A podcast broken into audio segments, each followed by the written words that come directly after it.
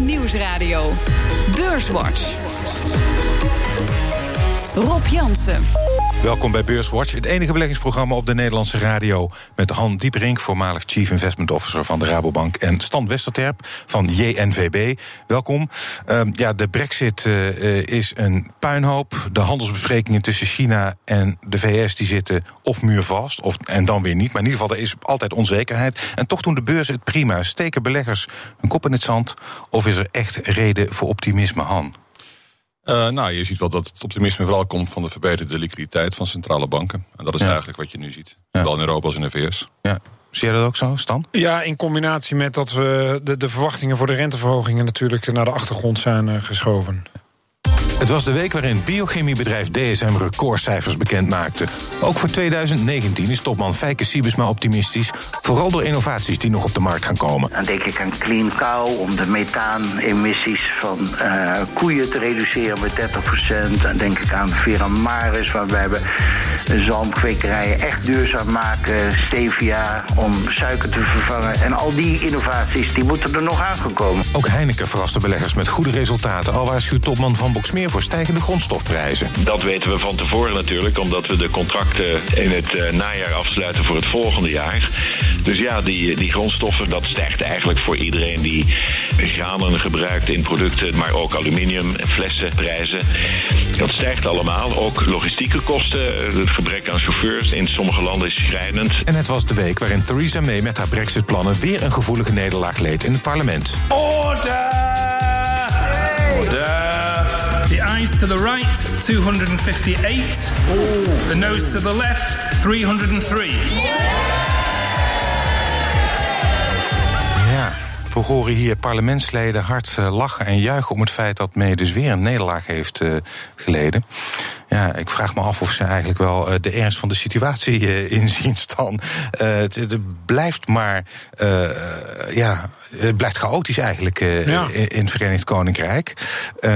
Ondertussen zie je dat bedrijven nu al wegtrekken. Dat lijkt me een groot probleem, niet alleen voor de economie, maar ook voor beleggers. Ja, kijk, die onzekerheid, dat is natuurlijk killing. Dat is uiteindelijk waar het altijd om gaat. Want daar, daardoor krijg je uitstelgedrag. Of inderdaad bedrijven die zich nu al gaan verplaatsen en denken, joh, we gaan hier niet op zitten wachten. En volgens mij doe je ook op Fort onder andere ja. dat, dat het aangekondigd in Europa zeg maar, te gaan switchen naar het vasteland. Ja.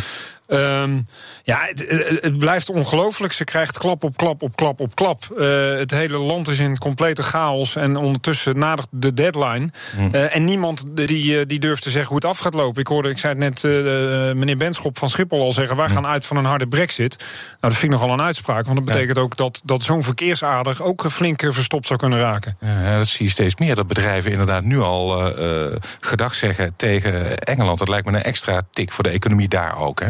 Nou ja, maar dat hebben we eigenlijk al gezien. En, en het gekke is, we hebben geen recessie gezien in, de, in, in Engeland tot op nee. heden. En nee. de verwachting is natuurlijk, wat, wat gebeurt er dan na 29 maart? Dan is iets wel bezit van de zaak, dan weet je ja. dat het achter de rug is. En het grootste risico eigenlijk van de brexit is, of het nou hard of een zacht is... is dan dat we twee maanden verder zijn na de brexit. En het valt eigenlijk allemaal wel mee. Ja. Uh, ja, dan hebben we straks een Europees parlement. En dan denken de Italianen, weet je wat, wij kunnen er ook wel uit. Dus volgens mij is dat een groter risico dan dat. Ik bedoel, Unilever zal echt wel deodorantjes blijven verkopen in, uh, in het VK. Dus dat ja. verandert daar niet door. De... Ja. Nou ja, uh, je, je stipt nu bedrijven aan met een notering in de FTSE 100. Dit jaar bijna 8% hoger. Ongelooflijk. Ja, maar de FTSE 100 is 80% niet VK. Ja. Veel interessanter is als je naar de midcaps kijkt, die is veel meer binnenlands. Uh, die ja. zijn dit jaar 13% hoger. Dus die binnenlandse bedrijven doen het eigenlijk nog wat stuk beter. Je ziet heel voorzichtig dat het positieve scenario, scenario dus dat het allemaal wel meevalt met de Brexit, wel ingeprijsd wordt door markten. Hmm. Dus je ziet wel steeds dat harde Brexit roepen, maar het is meer een deel van de onderhandelingsstrategie. Niet zozeer iets wat uh, de, wat de waarschijnlijke uitkomst is. Hmm.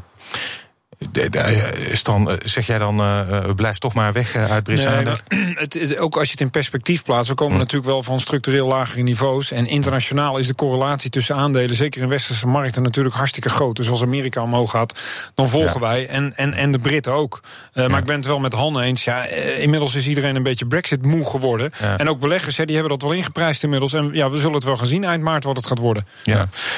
moet ook zeggen dat binnen de eurozone, als we kijken naar de economie, het ook niet helemaal koek en is. Uit cijfers blijkt dat de industriële productie in december sterker is gedaald dan verwacht. Dat blijkt uit cijfers van Eurostat, Europese CBS, zeg maar. Bijna 1% eraf. Duitsland langs de rand van de recessie gegaan. Italië zit in een recessie. Han, denk jij dat die cijfers spoedig gaan verbeteren? Nou ja, dat is natuurlijk wel wat de markt vorig jaar heeft ingeprijsd. We zitten echt, als Nederland niet 2,5% had gegroeid vorig jaar, dan zaten we echt nu al in een recessie. In ieder geval technisch dat we die twee kwartalen van krimp hadden gehad. Dus we zitten echt langs de afgrond, zeg maar, kun je bijna noemen. Alleen ja, het is natuurlijk niet een echte recessie. In Duitsland komt door de auto's, in Frankrijk door de gele hesjes. En uh, zijn allemaal wel individuele excuses. Niet echt dat het nou echt een vraag uit een grote vraag van een grote schok is. Ja, word ik altijd toch wel een beetje nerveus. Ja, technisch, ja. Nou ja, dus kijk, Han heeft natuurlijk gelijk twee kwartalen uh, krimp op rij. Het betekent feitelijk een recessie. Maar dat kan nog steeds niks voorstellen in de praktijk. En dat is eigenlijk wat er ook aan de hand is. Ik denk dat wat veel belangrijker is, het lange termijn plaatje. Dat je ook niet echt hele substantiële sterke groei hebt in Europa. En dan kan je natuurlijk gaan afvragen, waarom is dat er niet met alle stimulatie die we gehad hebben. We zijn er nu net mee gestopt en nog steeds, ja, uh, je ziet gewoon dat die groei niet doorzet. Zo'n traag groeiende economie met wel veel schulden. En er kan maar één schok hoeft te gebeuren. En dan zit je in een echte recessie. Dus hij is er niet. Ik bedoel, het valt allemaal nog van mee. Maar het, de angst voor beleggers is natuurlijk dat er ook een winstrecessie aan zit te komen. En dat is nu eigenlijk nog niet het geval. Maar ja, je weet het niet. Het kan natuurlijk komen in de, de loop van het jaar. Ja, nou is, uh, kom bij de eurozone is, ja, kun je eigenlijk verdelen in Noord en Zuid. Duitsland kan ik wel bedenken, dat is de auto-industrie die het moeilijk heeft. Ja. Um, Italië zit in een recessie. Dat is uh, um, uh, misschien ook technisch, maar daar zijn de problemen denk ik wel fundamenteel groot. Nou ja, het is ongeveer de vijfde recessie sinds de start van de euro. Dus voor Italië dit heeft de euro nog niet veel goeds gebracht, kun je zeggen. En ja, dat is natuurlijk een reactie op de politieke ontwikkelingen daar. Dus daar, de ondernemers die hebben zich veel terughoudender opgesteld naar dus die, uh, naar die verkiezingen, of naar het nieuwe parlement, dat populistische mm. regering eigenlijk. Maak jij je zorgen om Italië? Ja, nou ja, kijk, iedere uh, land of, of, of industrie of uh, specifiek bedrijf dat eigenlijk te veel schuld op zijn boeken heeft, omdat uh, lange termijn en dat lange termijn onhoudbaar is, dan moet je natuurlijk zorgen om maken. En zeker als het een land is dat verweven is met de rest van de Europese economie en dat ook geen middelen heeft om zich zeg maar eruit te devalueren door middel van een eigen munt. Ja, dat, nee. dat is wel een, een accident waiting to happen. Dus alleen.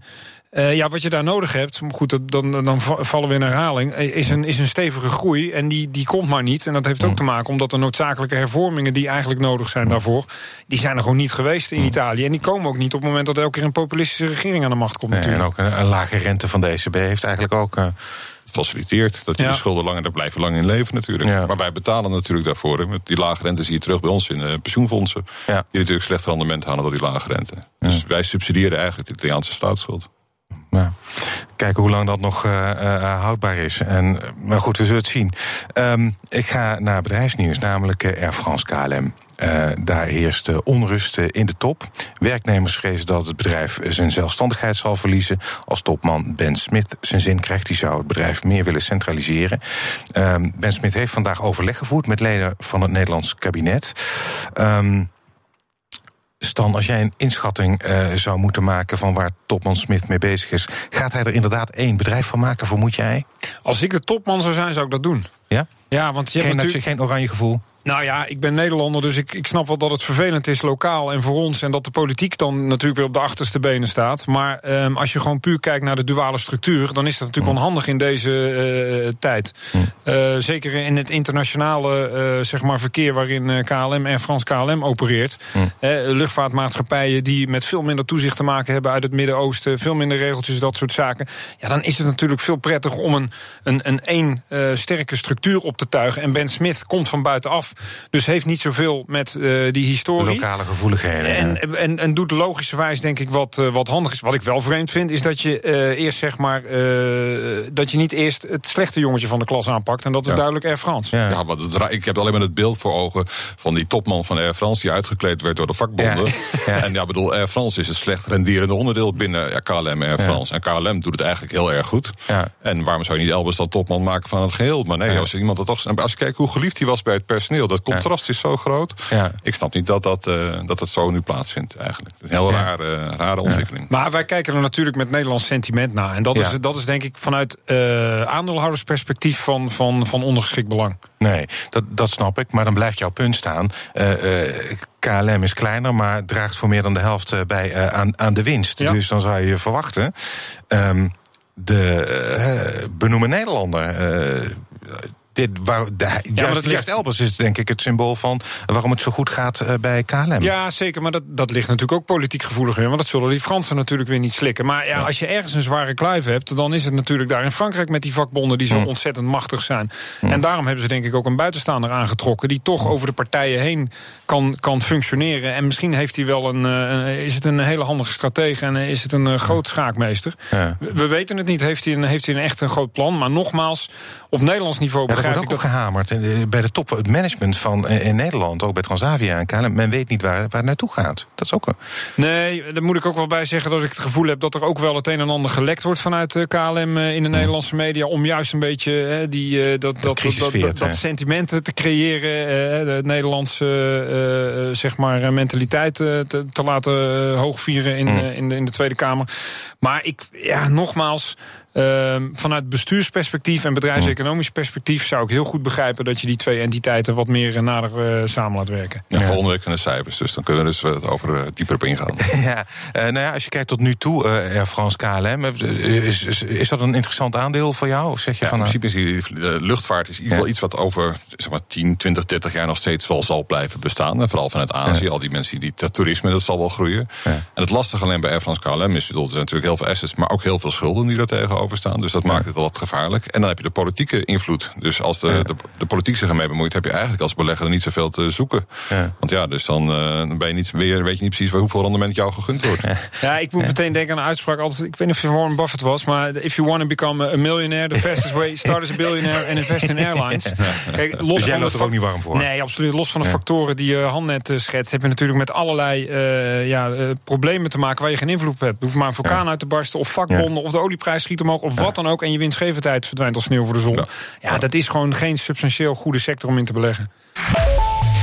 Zometeen praten we verder over beurs en economie, onder andere over de cijfers van Heineken en DSM. BNR Nieuwsradio. BNR Beurswatch.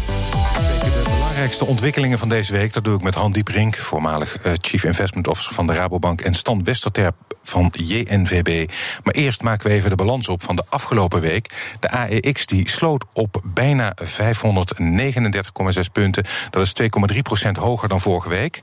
Stijgers. Op nummer 1 DSM met een plus van 13,6% in de weektijd. Op plek 2 Heineken 9% daarbij. En op 3 Axo Nobel 8,8% hoger. En het midcap aandeel best presteerde deze week was Arcadis met een plus van maar liefst 31,3 Dalers. Dalers. Op nummer 1 is Unibuy Rodamco Westfield de grootste daler met een min van 4,6% Op 2 ABN AMRO met een verlies van 3,5% En op 3 Ahold Delhaize met een min van 1,3% En in de midcap was de grootste daler deze week Euro Commercial Properties met een min van 5,4% En de AEX is 4 van de 5 handelsdagen hoger gesloten. Ehm Eerst maar eens even Arcadis, eh 31% ruim erbij, Han. Eh bedrijf maakte verlies, heeft al een hele moeilijke periode achter de rug. Snap jij deze eh, stijging? Ja, nou ja, het was een beetje de, het succes van de, de nieuwe topman. Die topman die komt van Fluor. Toen hij, eh, ja, was eigenlijk een, topman die iets te groot was voor Arcades. Zeg Ja. maar. En toen dat was heel positief op gereageerd toen die kwam. Daarna is de koers weer wat, eh, wat weggezakt. En nu zie je dus dat de, res- de resultaten van eigenlijk wat hij waar hij mee begonnen is en ook de plannen die hij gaat uitvoeren. Dus je ziet de winstgevendheid verbeteren, de schulden teruglopen. En ook de beloftes, dus dat projecten dus die niet winstgevend zijn, of waar zeg maar, de klanten niet zullen betalen of slecht zijn met betalen, dat ze daarmee stoppen. Dus je kunt er naar de toekomst toe zien. Dus dat je minder gevoelig bent voor dat soort schokken tussentijds. Dus dat betekent mogelijk een hogere waardering en ook een betere winstgevendheid. En ja, in principe zit Arcadis natuurlijk wel in een segment wat groeit, water, zeg maar. Dus dat Ja. wat potentie heeft. Dus eh, ja, eigenlijk volgens mij de juiste stappen. En dan kijk je er even doorheen van wat nu dan de cijfers zijn. Maar al die incidentele posten, dat is vooral zeg maar om de winstgevendheid in de toekomst verder te verbeteren. Het afboeken van goodwill en dat soort zaken. Dus. Ja. Eh, naast Arcadis eh, veel bedrijven komen. Het was een hele drukke week. Ehm, Laten we ook kijken naar DSM. We hoorden de topman Fijke Siebesma al even uh, aan het begin van de uitzending. Hij is opgetogen, niet alleen over het afgelopen jaar, maar hij is, ja, in tegenstelling tot veel van zijn collega-CEO's, best wel positief over 2019. Vorig jaar steeg de winst met 26 uh, procent. Um, Stan, valt er iets af te dingen op de prestaties van DSM? Nou, je zei net al het best presterende fonds van, uh, van de AEX deze week. Uh, ja. Overigens, alle namen die je noemde kwamen met cijfers. Dus het ja. lag allemaal aan de onderliggende zeg maar, cijferresultaten waar ze mee naar buiten kwamen. Maar DSM had echt een heel goed rapportcijfer inderdaad. Zowel aan omzet als aan winstkant. En daarnaast werden de aandeelhouders ook nog eens flink gefetteerd met een, uh, met een inkoopprogramma van, ik geloof, 1 miljard uit mijn hoofd. En het dividend werd ook nog eens substantieel opgeschroefd. Ja, ja dat is wel, wel reden om eens even tot, tot kopen over te gaan. Nou, wat ik mooi vind, mooi vind voor Sibisma is natuurlijk, hij is een beetje de held van de, van de duurzaamheid. Eh, en dat hij dus eh, dat lang heeft volgehouden. Een beetje soms wel een roepen in de woestijn. En nu zie je toch dat hij ook met dat duurzaamheid ook wel gewoon geld valt te verdienen. Dus dat je dan in nieuwe groeimarkten zit. Waar je dus de bestaande partijen die daar niet op ingespeeld hebben, dus aan het verdringen bent. Dus dat is wel heel mooi om dat te zien. Ja, uh, ja jij zei, voor jou is de must-have DSM. Nou ja, eh, eh, een kleine kanttekening. Uh, waardering begint ook wel een, een, een dingetje te worden bij dit soort bedrijven. Want het is in principe natuurlijk traditionele oude economie. Ik bedoel, chemie. We hebben aan de ene kant nutrition en we hebben aan de andere kant de materials tak. Er zit wel heel veel innovatie in. R&D-spend is heel hoog bij, bij DSM. Ja. maar als je echt naar waardering gaat kijken, zeker naar die stijging van, wat was het, 13% deze week. Ja. ja, dan begin je toch wel op, op, op, op, op, op koers-winstverhoudingen te komen, op multiples, dat je denkt... Het moet ook niet even tegenzitten, want dan kan de rit naar beneden ook weer vrij hard gaan. Ja, beter duur dan niet te kopen. nou ja, dat is toch altijd wel de vraag inderdaad, als zo oploopt, van hoeveel rek eh, zit daar nog in. Um, Heineken, ik denk dat Heineken, ja, we hebben het al eerder gehad, een beetje over het oranje gevoel bij KLM. Ik denk dat veel particulieren wel een zwak zullen hebben voor, uh, ja, toch echt, als merk is Heineken het grootste merk ter wereld. Ja, premium, ja. Um, ook met cijfers gekomen. Wist dus ook flink te stijgen op uh, die cijfers inderdaad. Maar topman uh, Jean-François van Boxmeer die waarschuwt voor oplopende kosten. Um, maar beleggers maken zich daar dan dus blijkbaar geen zorgen over. Is dat terecht dan? Nee, dat is eh, wel enigszins verbazingwekkend. Ook daar zie je een hele grote discrepantie in waardering. Als je kijkt naar Heineken en hun grootste concurrent AB InBev. Die zijn vorig jaar gehalveerd. Uh, Dat heeft met name te maken bij AB InBev. Omdat ze een hele hoge schuldpositie hebben na de overname van Sap Miller. Dat daar wel onzekerheid over was. Daarom moesten ze de dividend onder andere halveren. Om de schuld wat meer in, uh, in balans te gaan brengen. Maar goed, terug naar Heineken. Ja, wat natuurlijk wel sterk was. Zowel omzetgroei als onderliggende volumegroei. Die, die die, die trokken flink aan in het vierde kwartaal. Het traditionele beeld. Uh, Azië gaat het heel erg goed. Europa. Mm, magertjes, consolidatie. En in Americas zit er een beetje tussenin. Uh, maar ik denk wel wat, wat eh, Van Box meer zei, dat dat van belang gaat worden als die, die kosten, ook grondstoffen en zo, omhoog gaan. Uh, en je zet dat af. Uh, dus eigenlijk geeft hij daarmee aan dat de toekomstige winstgevendheid, de, de extreme groei daarvan, dat daar de rek wel een beetje uit is. Je zet dat af tegen de waardering. Zeker in relatie tot, tot de concurrentie, dat Heineken ook wel aan de hoge kant begint te komen. Ja, vind jij het ook duur?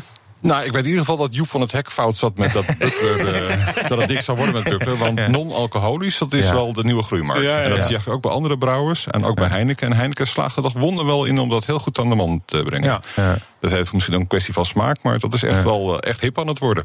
Dus uh, Buckler, dat is, heet niet meer zo, maar het is wel in. Dus ja, ja dan moet ik, als ik daar even op in mag haken. Mm. Je zag bijvoorbeeld Coca-Cola kwam ook met cijfers. Die werden echt afgestraft. Want kijk, 0.0 is natuurlijk eigenlijk gewoon een soort limonade of zo. Ik bedoel, zeker als er een smaakje bij zit. Het is wel bier, maar dat er zit geen, ja, dat zit geen alcohol in. Dus de vraag is, ga je hier niet op een segment begeven... waarin de grote der aarde zich ook al, uh, ook al begeven? En trek je hier niet enorm veel concurrentie mee aan? Dus hoe houdbaar is dit model? Dat is eigenlijk de vraag. Ja, nou goed, dus meer een vraag van een marketeer natuurlijk. Maar ik zie er van nu aan de cijfers zie je wel de succes. Ja, absoluut. absoluut. Ja. Ja, en als ik dan hier de, eh, de vraag mag stellen. Uh, als je nou kijkt, uh, Heineken of AB InBev. Wat is je favoriete? AB InBev, ja? no doubt. Ja, ja? absoluut, 100%. Ja? Nee, ik heb daar geen voorkeur in. Nee, je hebt er geen voorkeur in. Ah, Oké. Okay. bij, bij ABN altijd het idee dat wordt gerund als een hedge fund. dat wordt gerund door een hedge fund. Ja, ja de, de managers komen inderdaad. Ja. ja. Maar nogmaals, kijk, die hebben een enorme schuld opgebouwd. Maar als er natuurlijk ergens een, een, een hele stabiele cashflow uitkomt, dan is het wel uit de biermarkt. Mm. Uh, dus je kan er ook wel een redelijk hoge leverage schuld tegenoor zetten. Ja. Alleen dat ze een dividend moesten halveren, dat was natuurlijk pijnlijk voor veel beleggers. Als ze dat bij Heineken of Koninklijke Olie zouden doen, dan, ja, dan krijg je een, een, een enorme klap. Alleen als je gaat rekenen, dan zie je dat zij, als ze een paar jaar lang zeg maar, uh, het kapitaal herallokeren, niet in uh, uitkeringen aan aandeelhouders, maar een stukje in schuldreductie, mm. dan kunnen ze binnen no time die, uh, dat progressieve dividendbeleid weer hervatten. Mm. En als je dan naar waardering gaat kijken, we hadden het net over een halvering van het aandeel mm. tot eind vorig jaar, ja, dan is AB InBev veel aantrekkelijker gewaardeerd wat mij betreft dan Heineken. We moeten ook nog even naar de op één na grootste daler van deze week, ABN AMRO. Um, onder andere reserveringen voor slechte leningen. Dat liep op in het laatste kwartaal. Dat zagen we ook bij een veel kleinere concurrent, namelijk de Volksbank, het bedrijf achter SNS Bank. Um, Han, kijkend naar die cijfers van ABN Amro, wat vond je ervan? Nou, op zich waren het keurige cijfers. Ik had niet zo'n probleem dat alleen misschien waren het verwachtingen wat hoog gespannen in de markt. Dus uh, ja? had niet, ja, het is een beetje bezitzaak. En uh, in principe waren het misschien geen positieve, extra positieve verrassingen die dan, dan iedere mens de markt misschien had verwacht of zoiets. Maar ja. je hebt het economisch draait goed. Alleen wat het probleem met de rente is, is natuurlijk, blijft natuurlijk erg laag. We hadden natuurlijk een jaar geleden wel gehoopt dat de rente keer ging stijgen. Dat dan daar dus ook de rentemarge wat zou verbeteren. Ja, dat blijft maar een probleem natuurlijk. Voor jou ook uh, ja, een beetje. Ja, het was wel raar, want het ING kwam, eh, kwam vorige week en dat ja, werd dat wel zo, ja, positief ontvangen. Dat ging hard, ja. En Egon kwam ook, die werden ook uh, afgestraft. natuurlijk een andere tak van sport, maar wel in de financiële hoek. En ABN Amro, ja. En rentegevoelig. Ja. ja, je zag toch dat, dat, dat de, hoe zeg je dat, de solvabiliteit dat, of de stabiliteit van de balans eigenlijk en de slechte lening in de diamanthoek, geloof ik, vielen wat, wat klappen. Dat had ook te maken met een review van interne modellen. Weer vooruitlopend op Basel 4. Nou ja vraagtekens bij de houdbaarheid van het dividend op lange termijn. Laten we dan zo maar zeggen. En ABN AMRO is een van de banken die het de hoogste payout ratio het meeste uitkeert. Dus als je daar vraagtekens bij hebt, ja, dan kan je voorstellen dat er wat verkoopdruk ontstaat. Ja, um, dan uh, kun je ook hier de vraag stellen. Je, je haalde ING al aan. Voorkeur ING of ABN AMRO? ING. Ja, ING. Ik denk ook ING. ING. Ja. En bij de verzekeraars zie je ook heel duidelijk contrast tussen en en en Egon. Hè. Dus, dus uh, misschien Egon natuurlijk wat Brexit exposure misschien wel. Dus dat die koers je toch een stuk slechter doet dan, dan NN. We zijn alweer bijna aan het einde van de uitzending, jawel. En dat betekent dat ik jullie mag vragen naar de tip voor de luisteraar. Stan, zeg ja, maar. Ik, ik heb dit keer geen aandelentip, want alle uh, koersen zijn al zo opgelopen. Dat ik denk, ja, moet ik daar nu nog achteraan gaan hollen? Ja. Dus ik, had, uh, ik heb onlangs een, een, aardig boek gelezen van een conculega-belegger die bij Robeco zit, Pim van Vliet. Ja. De conservatieve belegger die eigenlijk beschrijft de anomalie die er al decennia lang in de markt is. Dat laag volatiele aandelen op een langere termijn een beter rendement halen met een laag risico. En het ja. is een, een heel toegankelijk boekje. Dus als tip voor de luisteraar, koop het en uh, ga het een keer lezen op een. De op conservatieve belegger. De conservatieve belegger van Pim van Vliet. Oké. Okay. Ja, het is een goed boek, maar ik heb toch nog een echte aanbeveling. en dat is gaming, dus niet gambling, dus niet gokaandelen, maar dus om spelletjes. En dan met name ja. computerspelletjes. Een jaar geleden heb je een uh, nieuw spel gezien, dat heette Fortnite. Dat is ja. onder, onder andere Tencent heeft daar een belang in. Mm. Um, en het nieuwe spel was free to play, dus dat was gratis om te spelen. En dan dacht iedereen van, nou, dat is toch raar, dat is een soort disruptie zeg maar, in de gaming-industrie, want je moet altijd betalen vooraf. Ja. Uh, maar je ziet in dus Fortnite dus honderden miljoenen per maand genereert aan inkomsten. En nu is dat Apex Legends afgelopen week uh, gelanceerd door Electronic Arts. Dat groeit nog harder dan Fortnite. En je ziet hm. dus dat het hele gaming-industrie als het ware transformeert in zo'n nieuw type verdienmodel. En ja. zeker ook als je kijkt op lange termijn naar de groeiperspectieven voor gaming. Ja. En terwijl de sector ook juist is afgekomen door dat Fortnite-succes ja. in de afgelopen kwarta ja, kwartalen, kun je eigenlijk wel zeggen, denk ik toch dat het een interessant moment is om naar gaming-aandelen te kijken. Dus dat zijn Electronic Arts en Activision Blizzard en dat soort partijen. Die hebben er heel veel. En je kunt ze ook in, in collectief kopen, zeg maar, via ETF's en dat soort zaken. Dus het is interessant om naar die sector te kijken. Gaming en het boek De Conservatieve Belegger. De auteur van Vliet. Pim van Vliet. Pim van Vliet. Hartelijk dank. Stan Westerterp van JNVB en Han Dieperink, voormalig Chief Investment Officer van de Rabobank. Dit was BNR's Beurswatch. Als u wilt reageren, dan kunt u een mail sturen naar beurswatch.bnr.nl of tweeten naar Rob Jansenbeurs. Terugluisteren kan ook via de site, de app, iTunes of Spotify. En graag tot volgende week.